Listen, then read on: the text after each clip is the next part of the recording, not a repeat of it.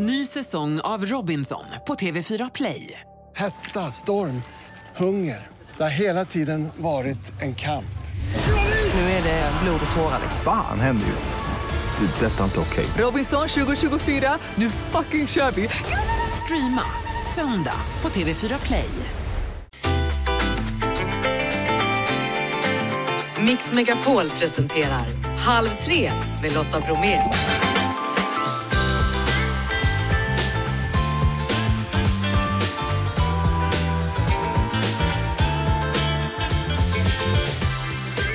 Hallå där och varmt välkommen in i Halv tre-studion. I dagens torsdagsmix, skärtorsdag hörni, det är dags att putsa kvasten. Eh, mattips till påskbordet får vi av Mackan efter klockan 16. Titio, aktuell i SVT's Songland, gästar oss efter 15. Nioåriga Nilo har vid sex tillfällen sövts ner på grund av sin sjukdom. Hör honom och hans föräldrar och läkaren berätta. Laddköer, bilköer och påskväder framför allt. Ta det lugnt i trafiken om det är så att du är ute och kör bil just nu. Vi ska få mer om påskvädret så småningom i dagens program.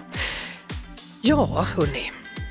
Vi pratar också med mannen som har en enorm äggkoppssamling. Gissa redan nu på hur många det är, jag lovar, ni kommer aldrig kunna gissa rätt svar. Och så gratulerar vi årets vinnare av Sveriges Mästerkock. Strax är hon, för det är en hon, då är hon här. Snacka om innehåll, nu kör vi! Halv tre med Lotta Bromé. Nu välkomnar vi årets vinnare av Sveriges Mästerkock in i studion, Nasuk Turdieva. Ja, Stort grattis först och främst. Hörru. tack så mycket. Tack. Blev du överraskad över att du tog hem det? Eh, ja, men såklart. Eh, man skulle ju säga vara lite eh, galen om massa annat. Ja, men jag blev väldigt överraskad och glad. Det var alltså igår kväll då som det avgjordes då den här rafflande finalen på TV4. Men du har ju gått omkring med den här titeln ett tag. Har det varit jobbigt att hålla det hemligt? Nej, men det har ändå inte det. Det har ändå rullat på. Jag har haft så mycket att göra ända sedan dess. Så allt från kokboken till ja, men allting. Så det har eh, rullat på. Men du måste ha skvallrat för någon va? Ja, men familjen, de närmaste vet, visste såklart om det. De ser ju vad jag håller på med liksom. Vad tror du gjorde att du vann? Jag vet inte, men kanske min mångsidighet inom matlagning, att jag behärskar många tekniker och så. Och sen att jag kanske har vuxit lite grann under tävlingens gång och så. Men jag tror att ändå att de hade väldigt svårt att välja mellan mig och Fanny. Eh, Du har ju visat då på många olika matlagningsstilar, ofta med ganska oväntade smakkombinationer som till och med gått hem i Mishas gom då. Hon är ganska kräsen. En en av de mer oväntade var kanske en rätt som du gjorde med, vad var det nu då, var det kikärtor och, och musslor? Var det? Ja, precis. vad får Ja. du inspiration ifrån? Ja, men jag får mycket inspiration från resor som jag har varit på och just den där är från en resa i Italien. Eh, så väldigt mycket från resor, sociala medier, ja, men bara gå ut och äta, allt möjligt. Man kan se en eh, råvara på affären och tänka gud det här kanske vore gott med det här och så ja, man är lite matnörd av sig. Jag förstår att din mamma är, en, är också en stark förebild för dig. Verkligen. Det, är hon, det är hon som har gett mig grunden till eh, matlagning. Och I programmet så pratar du också om då att du tycker det är roligt och viktigt att låta barnen vara med och, och laga mat, att det är ett bra sätt att umgås. Och i din kokbok då, Nasuks goda, från chimichurri till köttbullar, så är det väldigt blandade smaker från olika delar av världen. Då. V Vad, vad tycker du, skulle dagens barn behöva vara lite mer orädda för nya smaker? Som du själv som åt både fårmage och kotunga som liten. ja, alltså jag tänker så här att eh, jag vet att föräldrarna kan vara lite trötta och du vet, man, man ger barnen det de är van vid. Men i alla fall att man ställer fram och liksom försöker. Man kanske lurar barnen och säger att till exempel att det här är Babblarnas favoriträtt eller favoritråvara. Testar du också? Då, alltså att man fångar deras intresse på något sätt. Så vad hittar man mer i kokboken? Man hittar eh, mat eh, från världens alla hörn, från mina resor. Man hittar eh, recept från programmet som inte finns ute ännu. Och vegetariskt och kött och fisk och allt man kan tänka sig. Vad har du med från Boden? Från Boden har jag med mig en renstegsröra som är min to go som jag alltid gör och är supersmarrig. Så vad händer framöver nu då? Har du, du har sagt upp dig va? Nu har jag sagt upp mig, jajamän. Ja. vad, vad, vad jobbar du med innan? Jag är svetsare i grunden. Du, det är en jäkla skillnad det, Ja. att, att gå från svetsare till att låta allt handla om mat. Ja, ja men det är lite det. Men, eh, och jag har haft jättemånga fina år på min arbetsplats men nu känner jag att nu vill jag ägna mig åt det jag älskar mest. Mina kollegor, om ni hör det här, jag har sagt upp mig. eh, ja, så jag slutar första juni och sen kör jag eget. Allt från liksom matkreatör, bloggar på allt om mat och ja, men, åker hem till folk eller företag och lagar mat. Mm. Vilken grej ändå. Ja, verkligen. Från svets till köket. Ja, precis. Eh, Jag önskar dig ett stort lycka till då och än en gång stort grattis till Tusen tack. titeln som Sveriges Mästerkock 2023. Tack så mycket. Halv tre med Lotta Bromé på Mix Megapol. 16 minuter i 15 är klockan när jag konstaterar att det inte bara är skärtorsdag idag utan också barn på sjukhusdagen. Och det är en dag där man uppmärksammar då att de barn och unga som tillbringar mycket tid på eller har mycket kontakt med sjukhus. Och med oss nu i Halv tre-studion Nilo, mamma Anna, pappa Tommy och Svante Norgren som är barnläkare och chef på Astrid Lindgrens barnsjukhus. Samtliga välkomna! Tack, tack. Tack. Vi ska säga det att mamma sitter lite bredvid där, hon tar en liten paus. Och om ni inte hör henne så är det därför. Eh, Nilo, vad ska du göra i påsk? Vilken suck Det där var en svår fråga. var det? Ja, Ja. Ska du spela Playstation? Ska du spela Xbox? Xbox. Mhm. Är du bra på eh, Fortnite? Ja. Vilken, eh, vilken, hur, vilken nivå är du på? Um, s- 56 någonting. Ja, det är ju riktigt bra. 50 någonting. Ja. Eh, Du har ju någonting som heter då eosinofil astma, vad är det för någonting? Kan man förklara vad det är för någonting? Alltså den kan jag inte riktigt. Vet du, då frågar vi barnläkaren för han är ju ändå doktor så han måste Ja. veta vad det handlar om. vad, vad är det för någonting? Jag kan säga det är en icke-allergisk form av astma som eh, kan vara lite svårare att behandla, men som på senare år eh, har kunnat behandlas bra med nya läkemedel, så kallade biologiska läkemedel. Är det någonting man föds med eller får man det när man växer upp? Nej, man föds inte med det, det kommer senare och det är van- ännu vanligare hos vuxna. Eh, Pappa Tommy där, hur, hur märkte ni att någonting var fel? Ja, det började precis innan han blev ett år. Så åkte vi in och då där gick det fort. Då var det ju snabbt upp till Karolinska då. Mm. En nedskjutning och de började spekulationer. Jag har varit med om att min dotter opererades och blev nedsövd. Och det var bland det läskigaste jag har varit med om. Hur har det varit för er? Ja, det är otroligt läskigt. Det är, man känner sig maktlös, måste jag säga. Ja, Eh, och då har ni varit med om det flera gånger i er familj. och det är inte lättare någon gång kan jag säga. Nej. Eh, Hur är det att vara på sjukhus? Vad tycker du Nilo? Hur har du det där?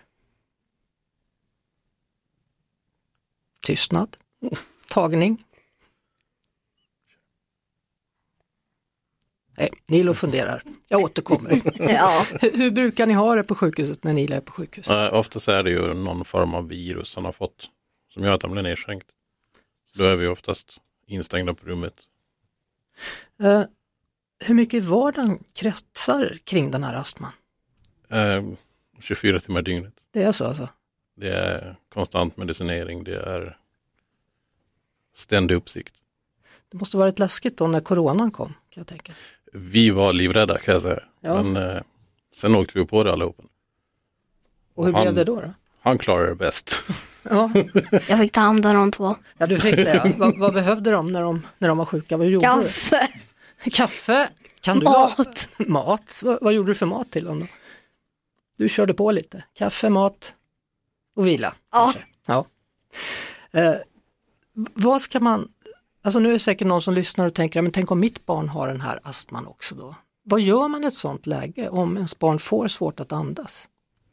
I just den här formen av astma eller rent allmänt? Rent allmänt egentligen. Ja, nej, men, eh, har man svårt att andas då är det ett akut tillstånd. Eh, och och då gäller det ju, först, är det riktigt svårt ska man ju såklart ringa efter en ambulans. Eh, sen om det visar sig att barnet har astma då inleder vi med ganska traditionell behandling som vi har haft under, under flera år. Sen finns det då en del former av astma som vi har haft svårt att komma till rätta med, med, med klassiska behandlingarna. Eh, Och där har vi fått jättebra hjälp nu med nya så kallade biologiska läkemedel som är som målstyrande robotar som du får injektioner. Eh, Svante, hur har behandling av barn utvecklats över tid? Ja, det, vi har gjort fantastiska framsteg. Allt fler barn lever ju ett eh, helt normalt vanligt liv med kronisk sjukdom. Eh, och vi har mediciner som är effektivare och vi kan skräddarsy behandlingar helt, på ett helt annat sätt än tidigare. Men eh, utredningarna och behandlingarna är tuffa. Eh, och som vi har här så, så kräver det också mycket av föräldrarna. Det är ett nära samarbete med vårdteamet. Alltså är det många barn som tillbringar mycket tid på sjukhus eller åker man in och ut? Både och. Vi har ungefär 20 000 barn som vårdas inneliggande varje år hos oss. Eh, och eh, det kan vara allting från över natten till över ett helt år.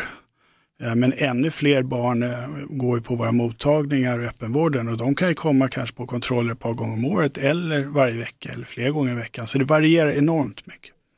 Vilka faktorer är viktiga hos barn, unga och familjer som de möter? Är det den här sammanhållningen och att man kan jobba tillsammans med sjukvårdsteamet? Ja, det, alltså, det bygger väldigt mycket på att man, man bildar ett team med, med sjukvården, att man lär sig vad man ska göra, hur man ska hantera situationer, vilka kontaktvägar som finns.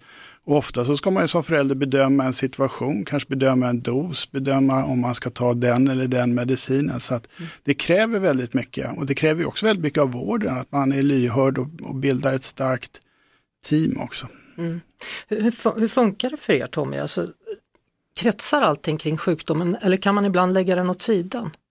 Ja, man kan ju inte lägga den åt sidan direkt utan man får ju extra planering, tänka efter lite extra så man inte rör sig bland allt folk samtidigt. Ja, kan man ha semester? Kan man resa iväg? Ja, vi har haft en liten, liten semester här i Stockholm då. Men sen vet vi inte hur långt vi vågar dra det heller. Nej, så utomlands det är liksom inte just nu i alla fall. Nej, inte just nu. Nej. Hur kommer det sig att, att eh, ni har varit med om att sövas flera gånger? Målet är att man ska kunna vara i ett, eh, vad ska jag säga, ett stabilt tillstånd så att det inte blir akut svårt att andas. Men ibland blir det så svårt. Och barnen kan också bli utmattade i muskulaturen så vi måste helt enkelt hjälpa till för att sköta, eh, sköta andningen. Du är också engagerad då i organisationen Min stora dag som anordnar aktiviteter för barn och unga som behöver en paus eller något uppmuntrande. Va- Varför är glädje viktigt? Jag brukar säga att, att det är ungefär som en idrottsman. Om en idrottsman skulle träna 24 timmar om dygnet så skulle man knäcka kroppen. Man skulle helt enkelt bli svagare med tiden. Och för att klara av de här behandlingarna och utredningarna så behöver man vila emellan, man behöver stimulans och så också få, få lite pepp så att man orkar gå igenom det här. Mm. Och när får du pepp? När jag träffar sådana här killar till exempel. Bra. Eh, Nilo, du ska ju få en sån här eh, stor dag. Det skulle ju ha blivit en där men då blev du sjuk. Men nu kommer den här så småningom. Vad, vad har du önskat dig? Jo, det är Stora Grävardagen, Mm. Gröna Lund, Naturhistoriska kanske? Naturhistoriska museet och Paradox. Mm. Vilket tror du blir mest spännande? Gröna Lund. Du har redan bestämt var du ska åka eller? Vågar du åka alltihopa? Det gör Ja. inte jag nämligen. Vill du åka all, allting? Alla de här, vad de nu heter? Det är på grund av om jag är tillräckligt hög. Ja. Men vi får hoppas att det blir en bra dag där då, så att du Mm. klarar av alltihopa. Japp. Glad påsk säger jag till er alla tre, eh, både Nilo, mamma Anna, pappa Tommy och Svante Norgren, barnläkare och chef på Astrid Lindgrens barnsjukhus. Och eh, ja, glad påsk! Glad påsk. Ja. Halv tre med Lotta Bromé på Mix Megapol. Till Tio, stort välkommen till Halv tre! Ja men tack, hej. Hur mår du? Jag mår, jag mår jättebra Ja, faktiskt. det känns som det var evigheter sedan vi sågs. Ja, men jag tror att det var det. På Det- 90-talet kanske. Ja, det kan det ha varit. Första gången vi träffades var i alla fall 1989.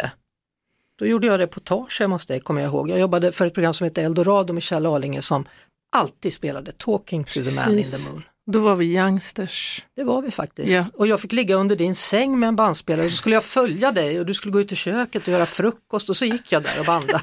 Så det var en dag med till tio hette det reportaget. Jag märker att du inte kommer ihåg det här. Jo, jag kommer ihåg det. Gör och du? jag kommer ihåg dig väldigt väl från då. Jaha. Du är kopplad till liksom första plattan och ja, Arlinge. Och, Så vad har hänt sedan dess? Oh, vad gör du nu för tiden? jag minns, minns inte så mycket märker jag. Träffar folk här som kommer ihåg mig men jag kommer inte ihåg dem.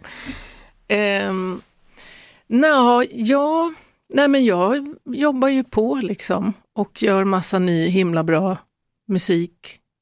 Och sen skaffade jag barn igen väldigt, väldigt sent.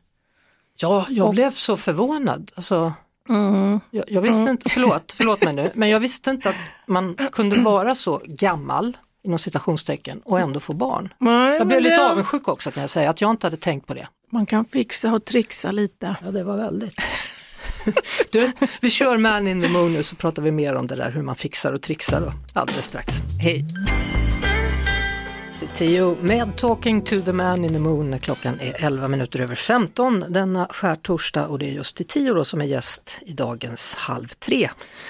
Ehm, ja, mycket minnen när man hör den låten. Mm. Mm, var hamnar du då? Är det, det är precis i början av din karriär kan man säga. Mm. Och så är det någon som plockar upp den där låten och så börjar du bli välbekant. Mm. Och det var ju din, eh, var han din chef? Kjell Nej, han var, han var producent Han och var sen var jag producent. producent åt honom. Han var, ja, jag Yes. jobbade nära honom i många år faktiskt. Ja, Ja. det var han som eh, verkligen föll för den här låten. Och eh, han kunde ju spela den upp till ja, men två, någon gång kanske tre gånger i ett och samma program. Kanske. Men eh, jag kommer ihåg jag satt i Orups turnébuss när jag körade med honom och sen så åkte vi hem en söndag, lyssnade på Eldorado och så vände sig Orup om och sa att ut till tio, jag tror att det här kommer bli jävligt stort. Alltså. Little "Jaha." did you know. Men du, var det självklart för dig eh, att, att bli någon som höll på med musik? Nej, det blev det liksom med åren. Men eh, nej. Din pappa Först- höll ju på med musik, Nanny Cherry, Ja, musik. min mamma till en viss del. Och så. Ja, och Eagle Eye. Ja, men nej, jag var mer, mer i behov av att tjäna lite pengar så att jag började köra lite med min pappa så att jag fick en, man ska inte säga det, men jag fick en 500 i handen, svarta pengar. men, eh, och det var liksom där det började, där jag kände att ja, men jag, jag kanske kan hålla på med det här. Men, det, men eh, alltså när den här låten släpptes och det stack iväg och jag fick en Grammis för bara den här låten faktiskt som nykomling. Då var det som att jag sprang, försökte springa i fatt framgången faktiskt. På vilket sätt? Hur menar du? Ja, men det liksom hände lite före mig. Jag fattade inte, jag var jätteglad men jag försökte liksom hänga med i ganska snabba svängar på något vis Mm. och tyckte att det var skitkul. Men, eh, men eh, hade vi kanske ja, lite svårt att reflektera över vad som egentligen hände. Åtta syskon, är, är ni så många? Vi är nio nu. Nio? Har fått ett till? Ja. Jaha, okej, då är ni nio syskon. Det dök upp ett på Facebook här för några år sedan. Jaha, Hello, I think I'm your brother. Eh, ja, men det är min, eh, min eh, pappa då som, ja, när han när han var gick ute så- bort Ja. faktiskt så hörde han av sig och sa att eh, jag bor i Sierra Leone och eh, ja, jag är nog brorsa till er allihop. Och så var vi lite sådär, mm, okej, ja, en till. Och så, ja, som man alltid är, är det verkligen så? Och sen såg vi en bild på honom. Eh, och han var definitivt våran brorsa. Mm. så nu är vi nio. Nu är det nio, men han, din, din far begravdes i Sierra Leone. Ja, vi eh, tog honom dit faktiskt. Ut i hans lilla by i Sierra Leone, i Binti och eh, begravde honom där. Hur var det? Det var fantastiskt. Vi hade inte, jag hade inte varit där sedan 90 typ. Och eh, det var, vi åkte allihop, alla syskon, för första gången. Och eh, några av dem hade inte varit i Sierra Leone tidigare. Och vi träffade vår nya bror. Vi körde, liksom, vi var där i, ja jag lämnade Sankt Eriksplan på en torsdag och var ute i afrikanska djungeln och var tillbaks på Sankt Eriksplan på måndagskvällen tror jag. Snabbis. Surrealistiskt alltså, Ja. men fantastiskt. Ska du tillbaka dit? Säkert. Ja. Någon gång. Eh, Det här med att få en extra bror då och att vara nio syskon. Mm. Stämmer det att du också är med i Långarydssläkten? Ja. Som alltså då är världens största dokumenterade släkt. ja. Wow! Och du är släkt då med Tåström och Amanda Jensen till exempel. Exakt. Så att jag tjatade om det. Jag gjorde en låt tillsammans med Tåström här förra året. Tjatade om det hela tiden. Långa Ryd-släkten, långa... Han ville inte lyssna riktigt. Jag tyckte inte det var så intressant. men det, det är ju alltså, ja. Ja men den är, den är, ja, den är mega stor. Ja den är med i Guinness rekordbok tror jag va? Ja, och tillhör väl liksom västkusten. Västkusten? Här i Sverige? Ja, jag tror det. Småländska västkusten, skulle Mhm. jag tro. Ja. Ja. Eh, vi nämnde det i början att du har blivit mamma för andra gången. Mm. Vad är skillnaden på dig nu som mamma i 50-årsåldern jämfört med när du var 25? Jag är, är trött. Ja. det kanske man var när man var 25 också, Vä- eller? Nej. Nej, Nej. då var du pigg. Ja, Mm. absolut. Nej, men det är, en, det är trött man helt enkelt. Eh, och sen tror jag att jag tar mig mycket mer tid med henne, den yngsta här nu. Mm. När jag fick Femmy, då var jag 25.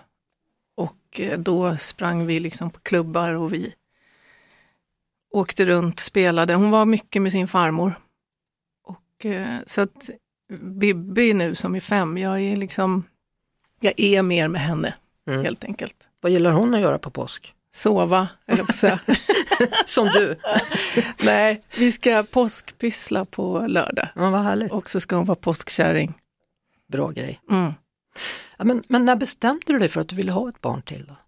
Jag bestämde mig egentligen inte. Jag träffade en man som inte hade några barn. Och eh, då bestämde det sig av sig självt på något sätt. Ja. Eh, men det det, måste- ju, det kräver ju sin process. Ja, det liksom. måste väl vara en del pyssel med att, att få ihop det? Det är en del pyssel, Ja. det, det kan jag säga. Men eh, han är 15 år yngre. Men, jo, men det, det krävde en del kraft liksom. Men eh, Men snackar vi IVF bra. nu, är det det vi pratar om? Eller? mm, Ja. kan vi stanna där? Ska vi göra det? Men du bar i alla fall barnet och du födde fram barnet, så var det? Ja, Ja, absolut. kära nån. Yes. Det såg så pass ungt och fräscht ut så att det var liksom sådär, ja men det här, det här kan nog gå bra. Och det gjorde det? Mm, det Mm. gjorde det, tack och lov. Du, när du var med i Så mycket bättre så sjöng du lite på svenska där. Nu är det tio år sedan va? Mm, Mm. precis. Och det var lite nytt för dig att just uttrycka det på Ja, ditt språk. det, jag har fått frågan massa gånger, när ska du släppa ett album eller göra någon Mm. svensk låt? Och så fnissade jag alltid lite åt det, jag tyckte att det kommer nog inte att ske. Men eh, Så mycket bättre, ja men jag upptäckte nog mig själv på svenska faktiskt. Och eh, efter det så bestämde jag mig för att göra en första plattan på svenska. Och det var, ja men det var, det var ett, nytt, ett nytt steg. Mm. Och ny publik, nytt sätt att spela live, kommunicera. Så att det var, ja men det var verkligen någon slags ny dörr att, att öppna. Och nu då? Nästa platta, när kommer den? Vad händer med den nya musiken? När får vi höra den? Nu Alltså, pratar jag inte om Songland utan nu pratar jag om det du Varje med själv. album jag släpper så är det ju det en comeback enligt media till tio, en comeback för åttonde gången. Ja, men jag har inget album på gång. Jag gör som många andra gör nu, jag släpper låtar. Mm. Riktigt tunga låtar istället för tunga album. Så att, eh, och då, ja, det här Songland är ju liksom en, en sån grej. Man släpper inte album, man släpper en låt. Ja, och, och den låten kan vi inte spela för att den får man höra först imorgon då om man tittar på låtet Songland. För det är du som är veckans artist i det programmet. Jag är veckans artist i Songland Mm. och ehm, ja, då väljer jag en låt i slutändan. Faktiskt två nästan kanske, vi får se. Och sen kan man lyssna på den på Spotify samma dag. Fick du ändra någonting i låten eller texten då? Alltså man får ändra så mycket man vill. Det, det, processen är som den ska vara. Man, man, låten är inte skapad för att man ska- bara ska tacka ja och buga och bocka utan man ska göra den till sin egen. Mm. Så att eh, det är meningen att man ska vända och vrida och eh, processa med den tills den landar. Men då nöjer jag mig med det svaret då och så väntar vi med nästa comeback ett tag till då, eller? Hur ska vi göra? Tycker min comeback är imorgon. Åh, din comeback är imorgon. Vad kul att du ska göra comeback imorgon känner jag. Vad härligt Tio. Det ska bli spännande att se hur du låter nu för tiden. Missa inte det imorgon, Nej, ja, ja. Eh, ha nu en bra och härlig påsk. Och, Detsamma eh, Lotta. hälsa till Bibi och eh, Det pyssla jag- på. Det ska jag Det göra. blir mysigt. Halv tre med Lotta Bromé på Mix Megapol. Hörrni, jag kollar här på vad det är ni lägger i äggen då eftersom det inte var frukt. Det är choklad och det är choklad och det är chokladägg och det är choklad. Lotta Gustafsson, Samsjö, Ulla Lalou, Marie Levenstad till exempel. KGJO lägger i lakritskola och kryttet lägger i det jag vet att mottagaren har som favorit. Marsipan, surt till exempel skriver Elin Sörensson. Hon lägger i surt medan Thomas Fältenby lägger i skum. Eh, sen har vi också då kollat här hur det är med gömmandet av påskägg. Eh, kommer du att gömma påskägg, lyder frågan. 53 procent säger japp, flera ägg ska gömmas. Medan 47 procent säger nej, jag gömmer aldrig påskägg. Och nu har kommit till en sån här liten Nej, jag glömmer aldrig påskägg står det här. Det är 47 procent som aldrig glömmer sina påskägg. Vi tar den sista grejen då, då och då handlar det om, kommer du att gå påskkärring? Det är ju idag som man gör det på skärtorsdagen.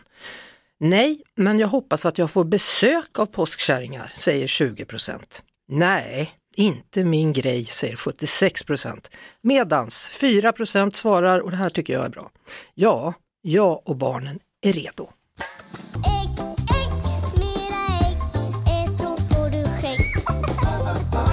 Halv tre med Lotta Bromé.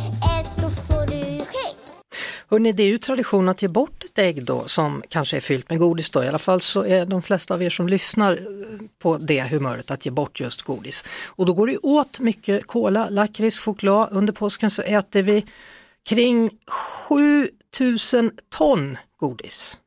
Alltså lyssna på den siffran, 7000 ton godis. Det betyder nästan ett och ett halvt kilo per person. Vi kommer också handla mat för över 7 miljarder kronor under den här helgen. Och sen så har vi det där med ägg då. Hur mycket ägg äter vi? Jo då, det går åt 32 miljoner ägg. Under påskafton så äter vi som mest ägg och då brukar man skala. Då brukar man skala 6 miljoner ägg i timmen. Och de här äggskalen ska då alltså varit målade i olika färger. Eh, det är också en festhelg då, man dricker mycket alkohol, 2,6 miljoner svenskar handlar alkohol på Systembolaget under påsken. Men allra mest dricker vi faktiskt alkoholfritt. Det handlar om påskmusten, den har ju ingen alkohol och det blir nästan 1,2 liter påskmust per person.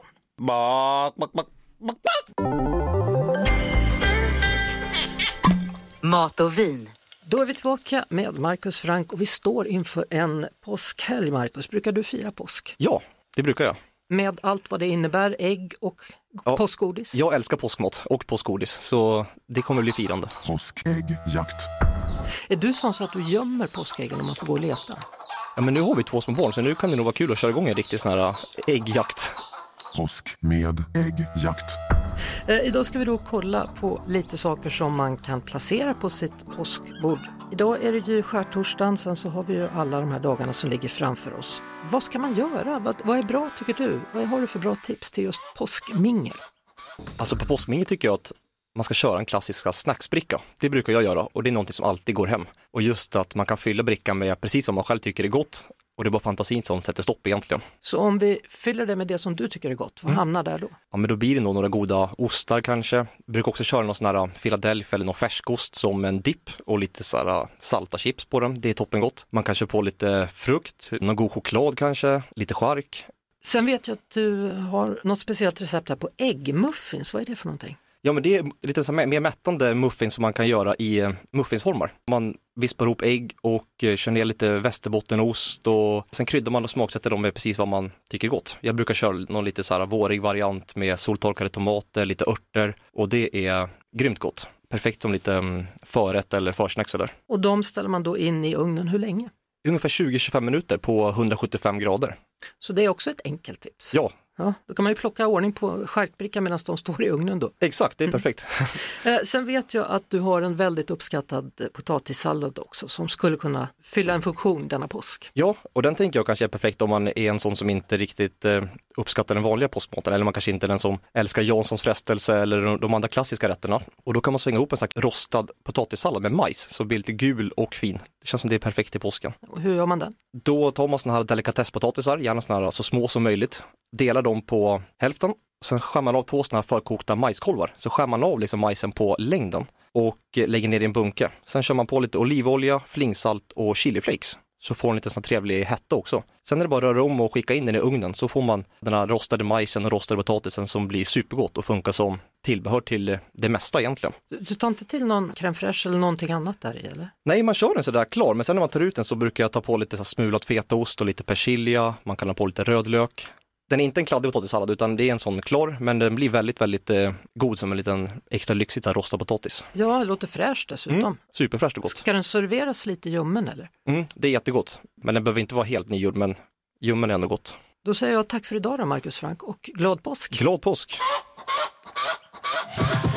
Påsk med ägg. Att lägga ägg är förvisso ganska svårt. Att lägga ägg så man får det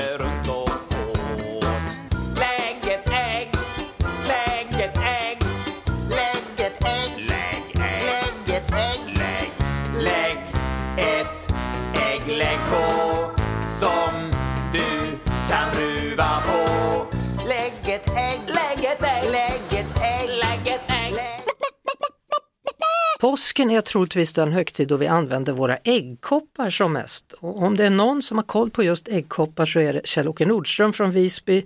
Han har de senaste 25 åren lyckats samla ihop fler än vad han kan komma ihåg, men det är nämligen över 5000 stycken, alltså en av landets allra största samlingar. Välkommen till Halv tre med Lotta Bromé, Kjell-Åke. Tack så mycket. Över 5000 äggkoppar, hur började allt det här? Ja, det började för omkring 25 år sedan min syrra hade en liten samling på en eh, 200-300 stycken. Och så eh, ska hon flytta och ska göra sig av med dem där. Det var ingen som hade lust att betala någonting för dem. Jag tänkte att jag kan inte vara skingra en sån samling utan det. Jag köper den av min syrra. Och sen så varje gång man kom på en loppis eller man kom på något annat ställe. man- Oj, här är en äggkopp, den måste jag nog ha. Och den måste jag nog ha.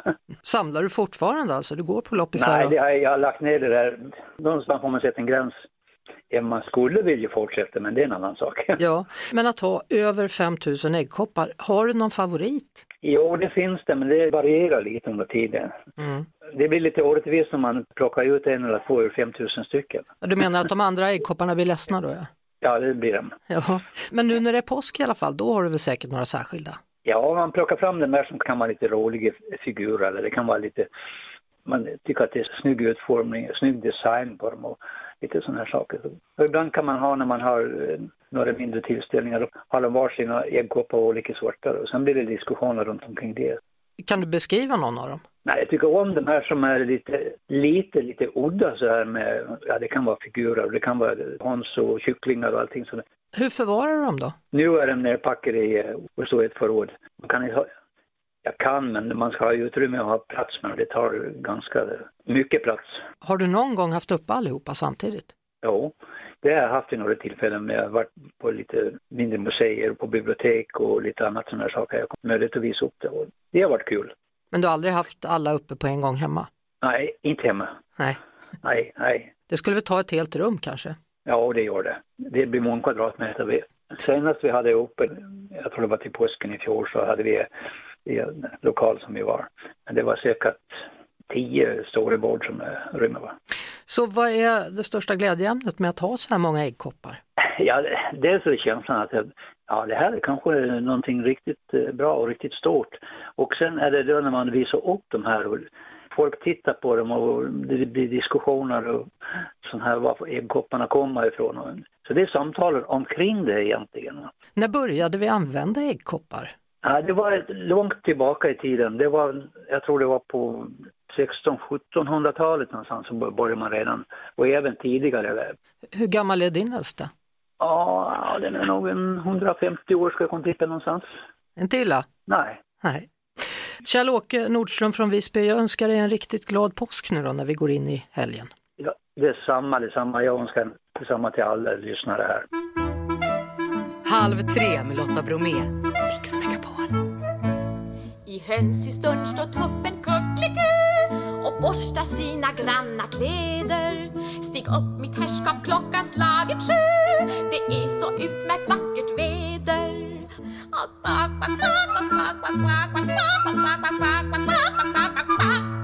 Nu putsar jag kvasten. Var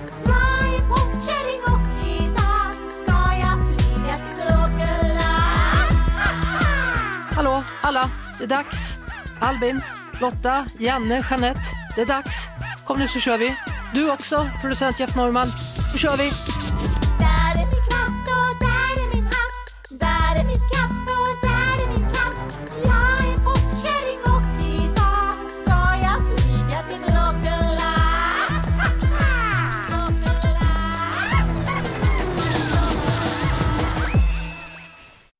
Ny säsong av Robinson på TV4 Play. Hetta, storm, hunger. Det har hela tiden varit en kamp.